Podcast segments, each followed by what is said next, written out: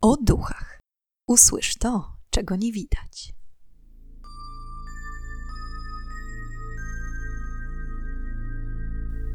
Witam i pytam, czego dusza pragnie. Strasznie miło mi gościć Was na moim kanale.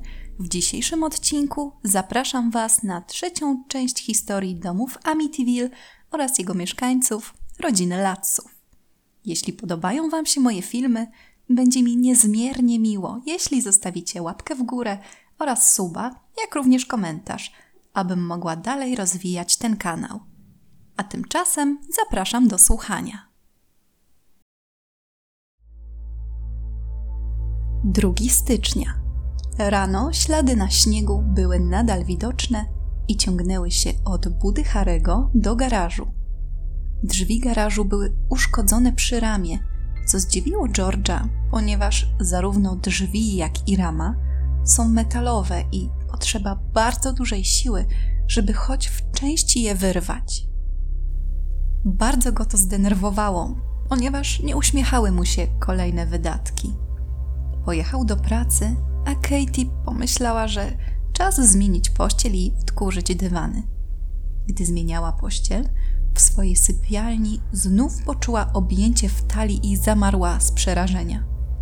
Dyny, czy to ty? Ale nikt jej nie odpowiedział.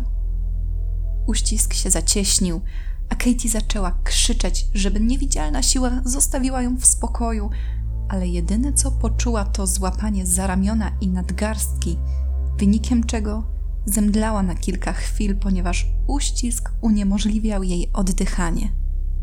Jak się ocknęła, zobaczyła Daniela, który przyszedł do pokoju, zwabiony jej wołaniem. Poprosiła, żeby natychmiast zadzwonił do taty. Jednak George w międzyczasie zdążył wyjechać z biura i kierował się już do domu. Po drodze wstąpił znów do baru niedaleko domu i rozpoczął rozmowę z barmanem. Podpytał, czy Roni również bywał u nich w barze. Barman zaczął opowiadać, że kiedyś został wynajęty do ich domu do robienia drinków na imprezie. Przynosił wtedy alkohol z piwnicy i podobnie jak Latsowie odkrył tajemniczy czerwony pokój. Powiedział, że był dla niego zbyt przerażający, a po wizycie u państwa Difio miewał koszmary związane z tym pokojem.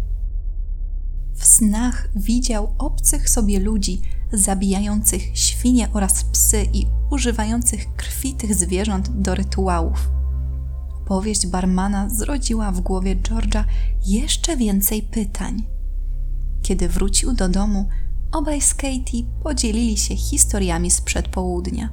Katie poprosiła, żeby skontaktowali się z ojcem Mancuso, ponieważ mieli przeczucie, że pokój w piwnicy skrywa jakąś tajemnicę i wszystkie zdarzenia w domu nie dzieją się bez przyczyny. W ciągu tych wszystkich dni ojciec Mancuso bardzo chorował.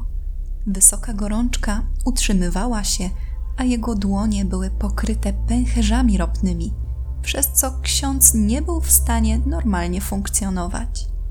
Cały ten czas martwił się o Latsów i podejrzewał, że wszystko to, co dzieje się z jego zdrowiem, może mieć związek z jego wizytą w domu na Ocean Avenue. George zadzwonił do księdza, co było zaskakujące dla nich obydwu, ponieważ po tylu nieudanych próbach kontaktu wreszcie udało im się do siebie dodzwonić. Poprosił księdza, aby pojawił się w ich domu i ponownie pobłogosławił go, no ale niestety ksiądz, bojąc się ponownej wizyty w Amityville, próbował odpowiadać wymijająco, że jest chory, że nie może wychodzić z domu i tak właściwie to dlaczego im tak zależy na ponownej wizycie. George zaczął opowiadać, jak dziwne rzeczy dzieją się w ich domu, i w tym momencie połączenie ponownie zaczęło przerywać, a po chwili zostało całkowicie przerwane. Ręce księdza zaczął trapić ogromny ból Przeprosił Boga za swoje tchórzostwo, ale za nic nie chciał wrócić do Amityville. Rozczarowani odmową księdza, George i Katie pomyśleli o zwróceniu się o pomoc do miejscowego proboszcza. George skojarzył, że jest to ten sam ksiądz, o którym czytał w gazetach Odifio. Ksiądz w tamtym czasie rozmawiał z rodziną i jako osoba sceptycznie nastawiona do zjawisk paranormalnych uznała owe głosy w domu Difio za zmyślone. Przez co szybko porzucili pomysł kontaktowania się z nim, ale postanowili, że George następnego dnia pójdzie na komisariat policji. W nocy, standardowo o 3.15, George sprawdził hangar, a mijając budę Harego, zauważył, że pies mocno śpi. 3 stycznia. 3 stycznia George wziął Harego do weterynarza, u którego stwierdzono, że psu nic nie jest. Ojciec Mancuso odprawił mszę w intencji domu Laców u siebie w kościele. Po mszy, kiedy wrócił do swojego pokoju, uderzył go straszny odór fekaliów. Z trudem powstrzymując wymioty, otworzył okno i sprawdził, czy toaleta nie jest uszkodzona. Jednak toaleta była czysta. Zadzwonił do konserwatora, aby sprawdzić, czy w takim razie z szambem na plebanii jest wszystko w porządku. Tam również nic się nie stało. Zaczął się więc zastanawiać, czym może być spowodowany zapach, który unosi się ewidentnie tylko w jego pokoju. Po chwili przypomniał sobie, że kiedy uczył się demonologii, powiedziano mu, że zapach odchodów może oznaczać pojawienie się diabła. Po południu Laców odwiedził sierżant, który również pracował przy sprawie Difio. Mimo dokładnych opowieści Katie i Georgia, do sytuacji podszedł dość sceptycznie. Powiedział, że no niestety nie może nic zrobić, bazując jedynie na ich domysłach i dźwiękach, które słyszeli. W głębi duszy jednak policjant był zły na siebie, ponieważ czuł, że w domu czai się jakieś zło, które było obecne już w momencie sprawy Difio. Nie chciał jednak mówić tego latsom, żeby jeszcze bardziej ich nie wystraszyć. Zamiast tego poradził im poprosić o pomoc księdza, jeśli naprawdę uważają, że w domu istnieją tajemnicze moce. Obiecał też, że co jakiś czas będzie przejeżdżał patrolować okolice posiadłości. Gdy tylko policjant opuścił dom, pompa ciepła nagle przestała działać. Okazało się, że bezpiecznik się przepalił. George w związku z tym musiał udać się do piwnicy, aby wymienić bezpiecznik i uruchomić urządzenie ponownie. Wymienił go szybko i pompa znów zaczęła działać. Kierując się do wyjścia z piwnicy, jego również uderzył okropny zapach odchodów, który wydobywał się z pokoju za szafą. Szybko otworzył drzwi, broniąc się przed wymiotami, i rozejrzał się po pokoju, ale w środku, oprócz okropnego smrodu, nie dojrzał kompletnie nic. Nieprzyjemny zapach przesiąkł przez jego ubrania, więc wykąpał się i poszedł do kuchni porozmawiać z Katie. W domu znów było zimno, przez co chcieli pójść do salonu, żeby ogrzać się przy kominku. Kiedy weszli do salonu, Katie krzyknęła z przerażenia, ponieważ porcelanowy lew, którego George wcześniej wyniósł do szwalni, stał teraz na środku stołu, szczerząc na nich kły. George natychmiast wyrzucił lwa do śmieci i obiecał poszukać następnego dnia pomocy już gdziekolwiek. Wieczorem Katie zasnęła dość szybko, a George lekko drzemał, po czym nagle usłyszał okropny hałas piętro niżej, jakby reprezentacja orkiestry dętej rozpoczęła koncert. Słyszał odgłosy marszu i bębna. Szybko zbiegł na dół, ale jak tylko włączył światło, dźwięki ustały, a nagła cisza była jeszcze bardziej przeszywająca niż hałas, a po plecach George'a przeszedł zimny dreszcz, ponieważ czuł, jakby ktoś stał tuż za nim. Rozejrzał się dookoła, ale nikogo nie zobaczył. Czym prędzej wrócił do sypialni, w której spała Katie. Gdy tylko wszedł do pokoju, zobaczył, jak jego żona lewituje nad łóżkiem i przesuwa się powoli w stronę okna. Była nieprzytomna. George zareagował natychmiast, próbując ściągnąć Katie z powrotem na łóżko. Nie udało mu się to, przez co kobieta spadła ciężko na podłogę i obudziła się.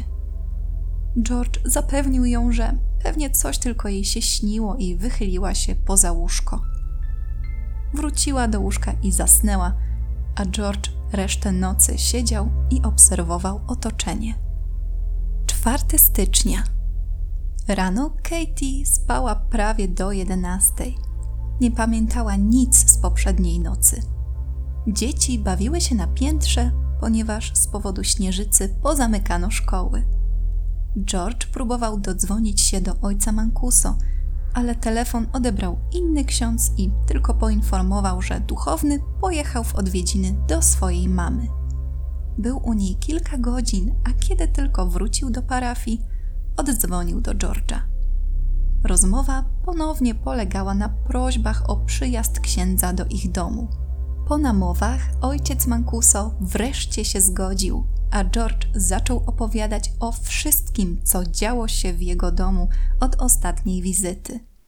Kiedy mieli ustalić termin wizyty księdza, połączenie znowu zaczęło szwankować, a po chwili całkowicie się urwało.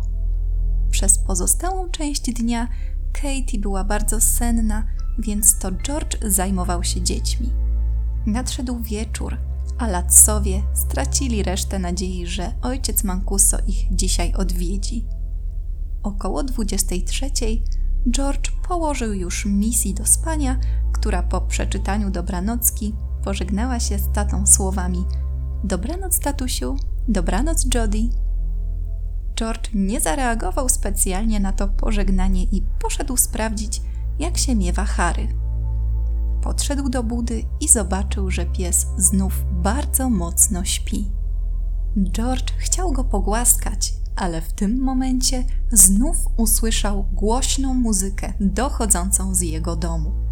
Tę samą muzykę, którą słyszał poprzedniej nocy.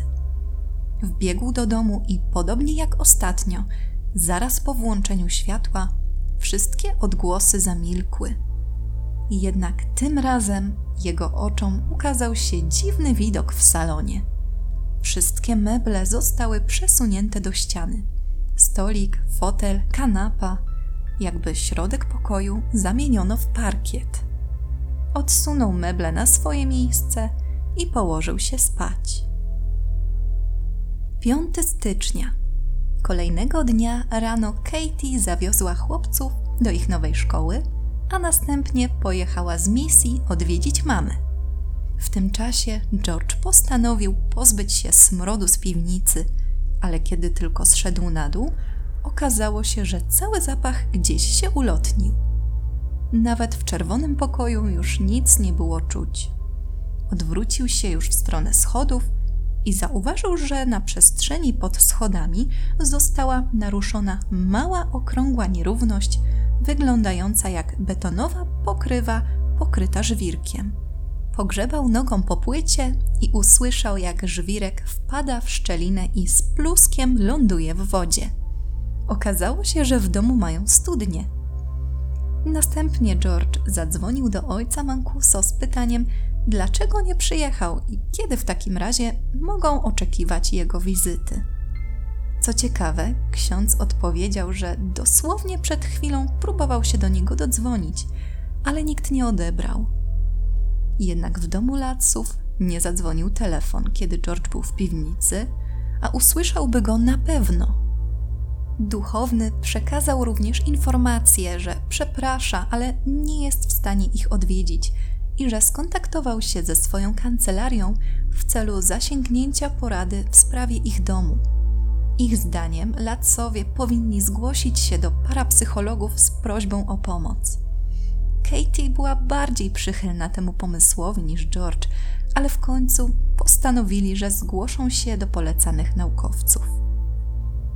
Ponadto podczas jednej z wizyt w biurze, kiedy George rozmawiał ze współpracownikami na temat dziwnych wydarzeń w jego domu, dowiedział się, że dziewczyna Erika, kolegi z pracy, jest medium. Ich także postanowili poprosić o pomoc.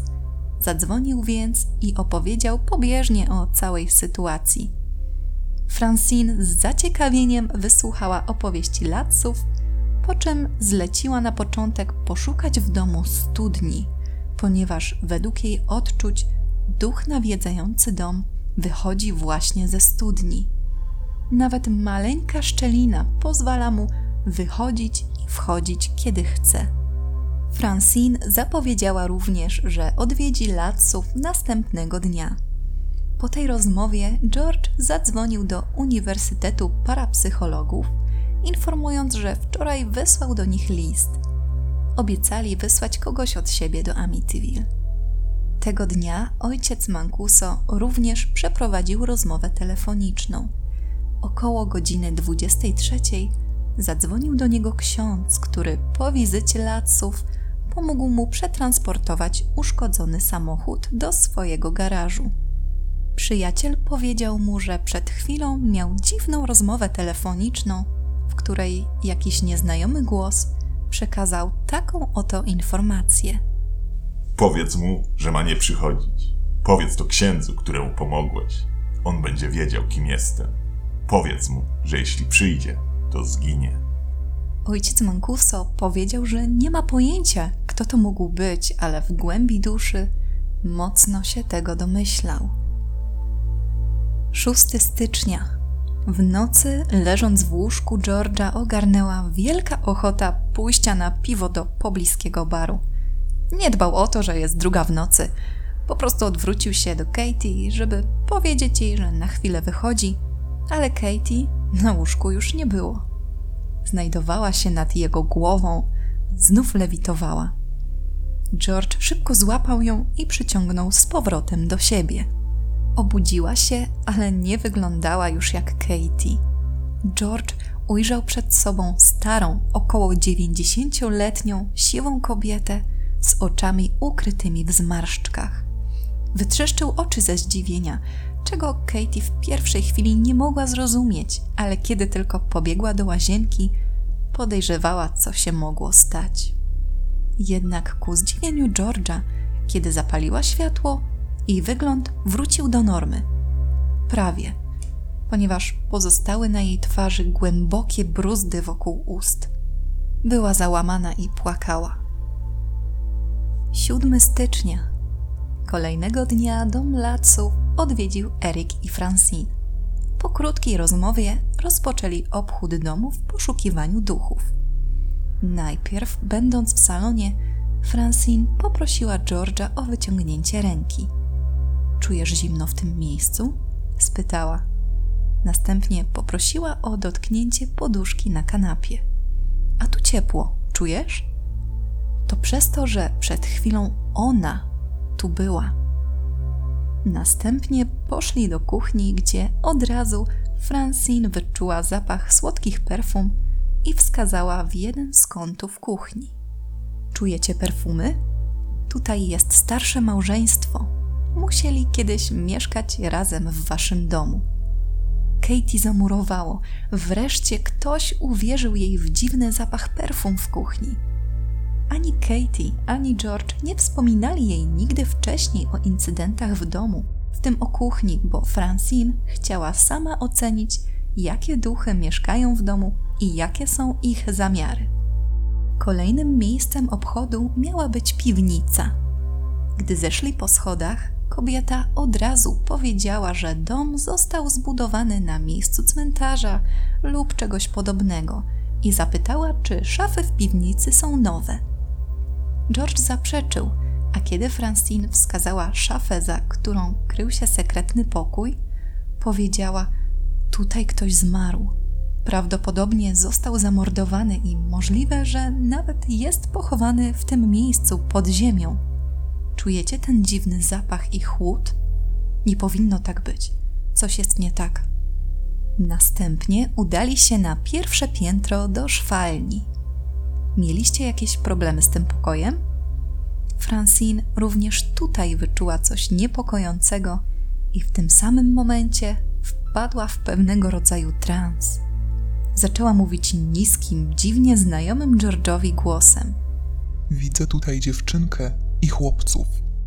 Ktoś ich bardzo skrzywdził, jest pełno krwi. Chyba ktoś próbował ich zabić.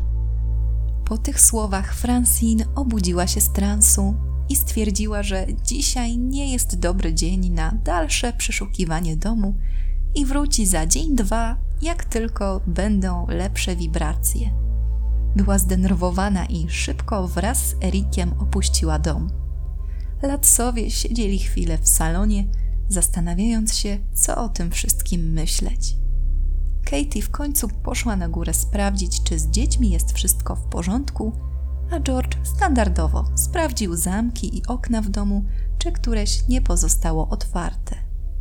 Wchodząc na drugie piętro, zauważył, że cała balustrada przy schodach została wyrwana niemal od podłogi. Po tym widoku George przypomniał sobie, czyim głosem mówiła do nich Francine w transie. Był to głos ojca Mancuso. Postanowił następnego dnia naprawić balustradę i położył się spać. Nic nadzwyczajnego nie działo się tej nocy. 8 stycznia. Rano George zadzwonił do Erika zapytać, jak się czuje Francine i czy mówiła coś po powrocie z ich domu. Erik przekazał, że Francine była bardzo wystraszona i najmocniej przeprasza, ale nie odważy się odwiedzić ich ponownie, ponieważ nieznane siły, jakie wyczuwała, były bardzo negatywnie nastawione i bała się ataku z ich strony, gdyby miała się za bardzo mieszać w tę sprawę. Po tym telefonie z George'em skontaktował się niejaki George Kekoris, parapsycholog i badacz zjawisk nadprzyrodzonych z Uniwersytetu w Karolinie Północnej, ponieważ chciał umówić termin wizyty u Latsów. Ustalili, że jak tylko będzie to możliwe, to Kekoris pojawi się w ich domu na zajutrz.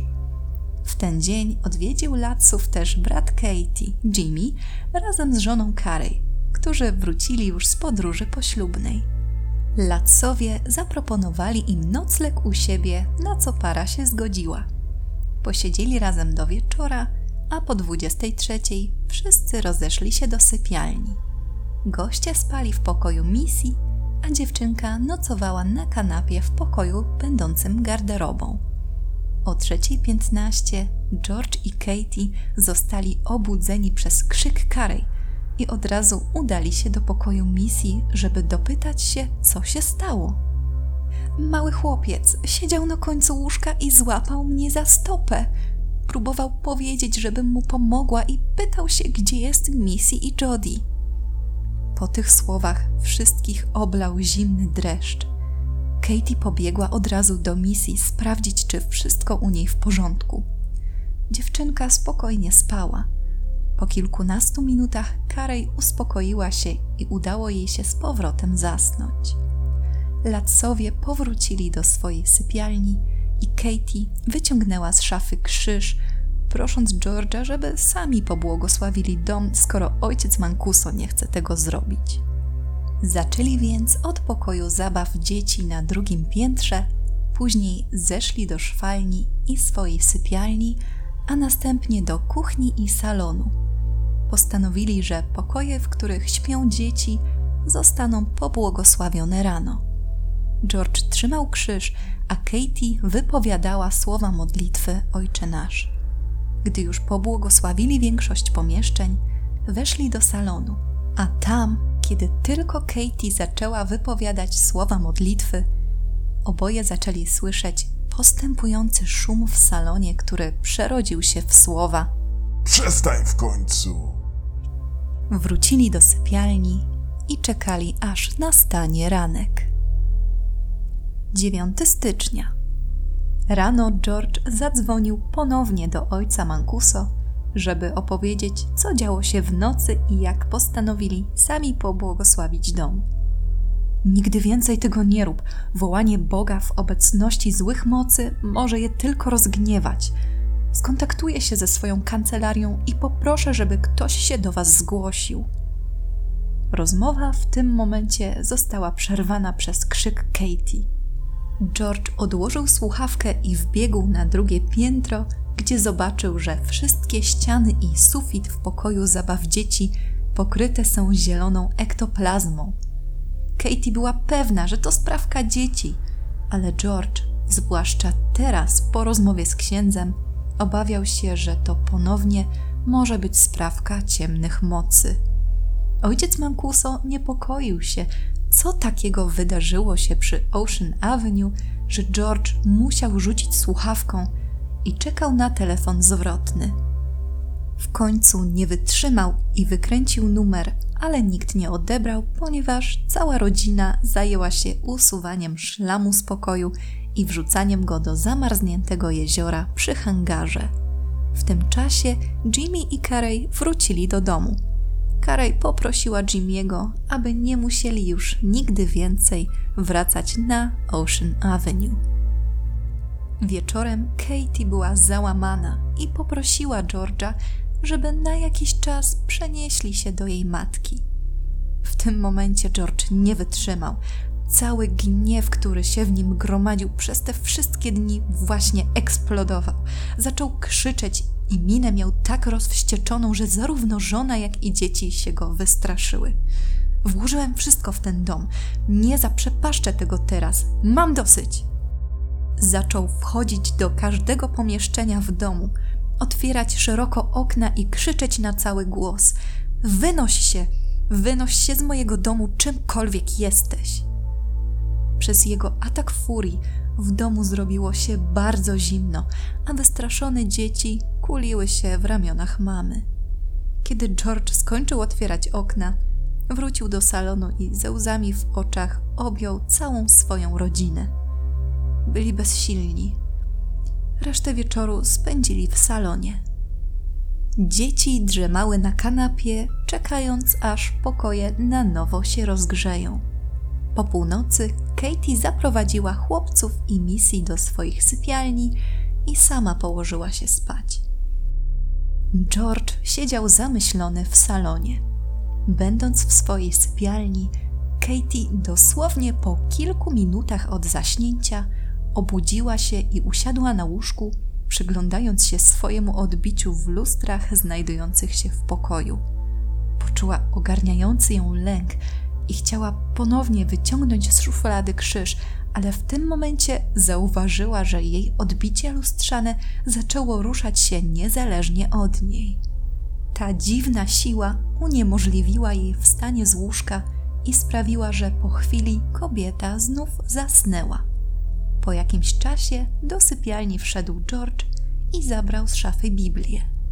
Zszedł do salonu i zaczął czytać na głos kilka zdań Księgi Rodzaju, po czym poczuł parzący podmuch ciepła na twarzy. Podniósł szybko głowę i zobaczył, że ogień z kominka jest tak mocny, że niemal musnął jego twarz.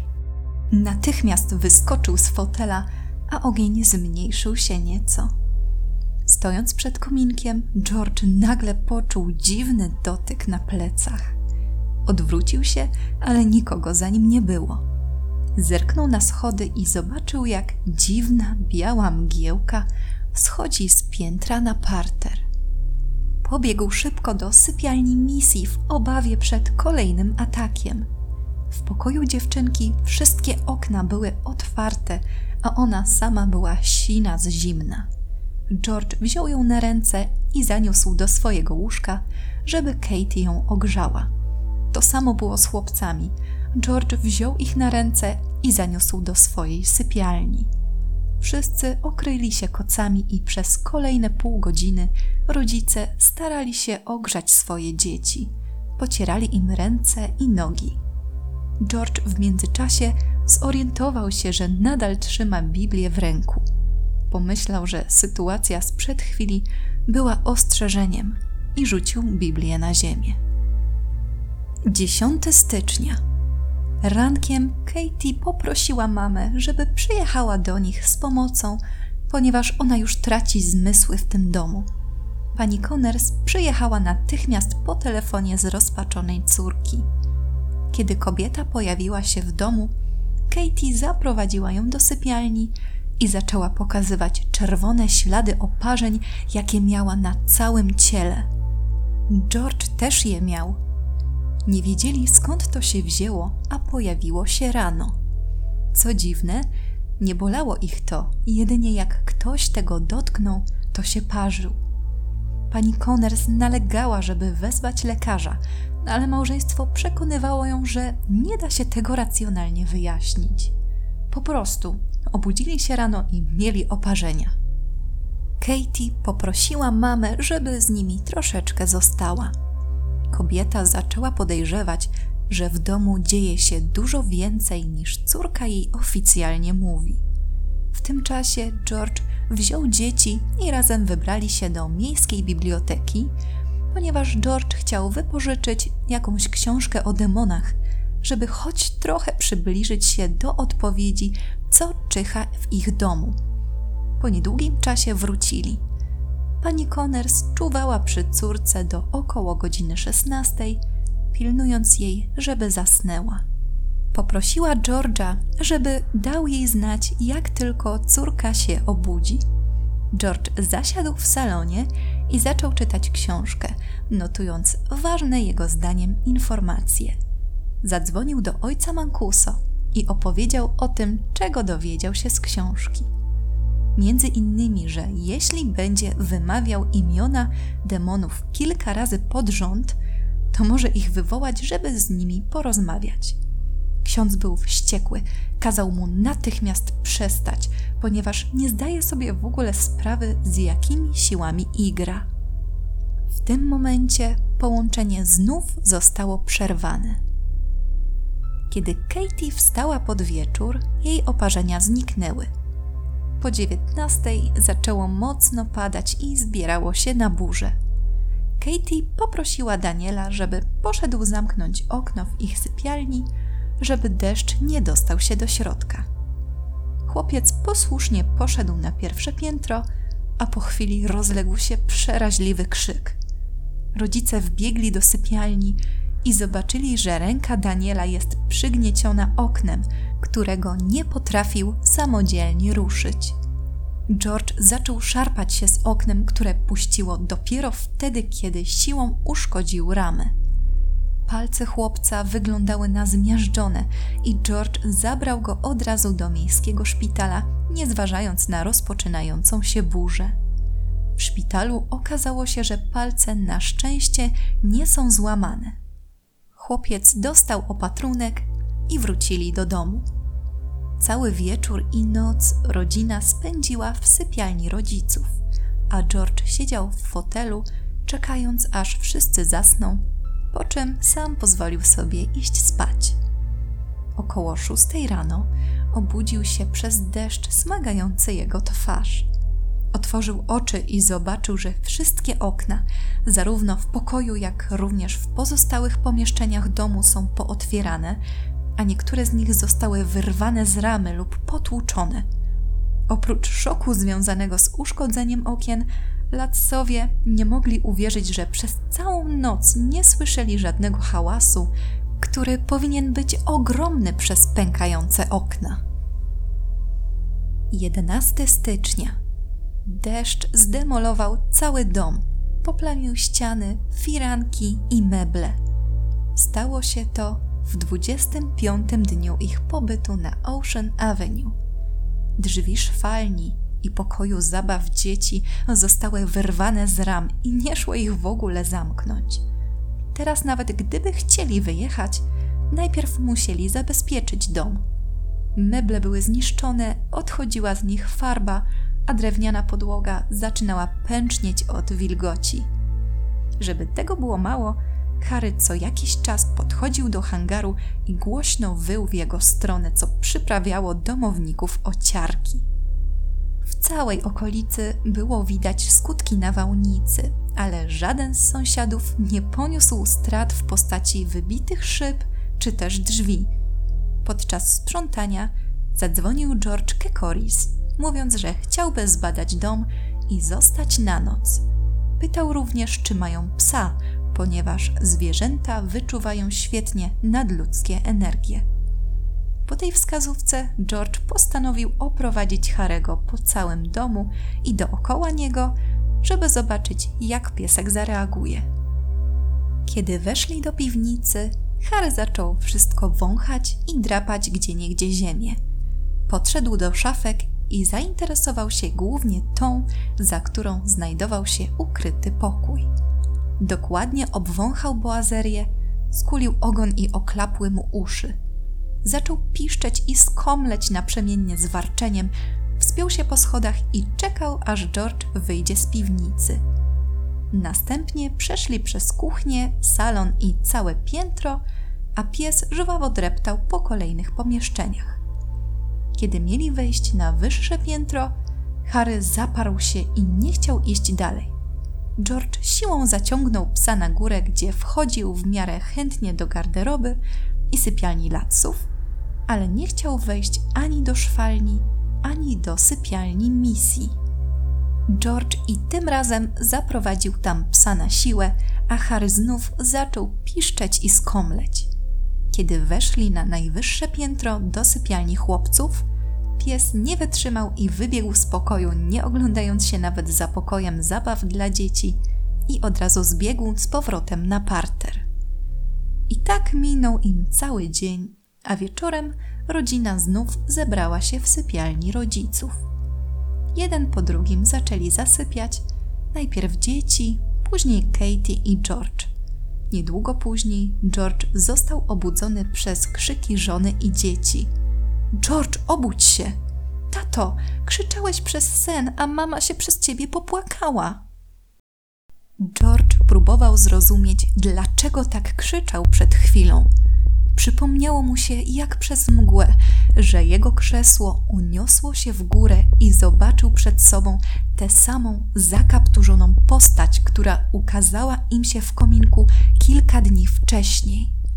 Jego rozmyślania przerwała misji, która zawołała go do siebie do sypialni, ponieważ Jodie chciała z nim porozmawiać. Spytał Katie, kim jest Jodie, ale mała Missy uprzedziła mamę i odpowiedziała: Jodie to największa świnka, jaką w życiu widziałam. To zmroziło latsów. Świnia w oknie Missy, świnia za oknem salonu, ślady świńskich łap przed domem. George wbiegł do pokoju córki, gotowy na atak, ale niczego ani nikogo nie zauważył.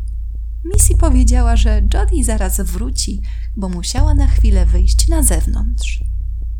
Spokojnie, Katie, nie ma tutaj Jodie, powiedział George.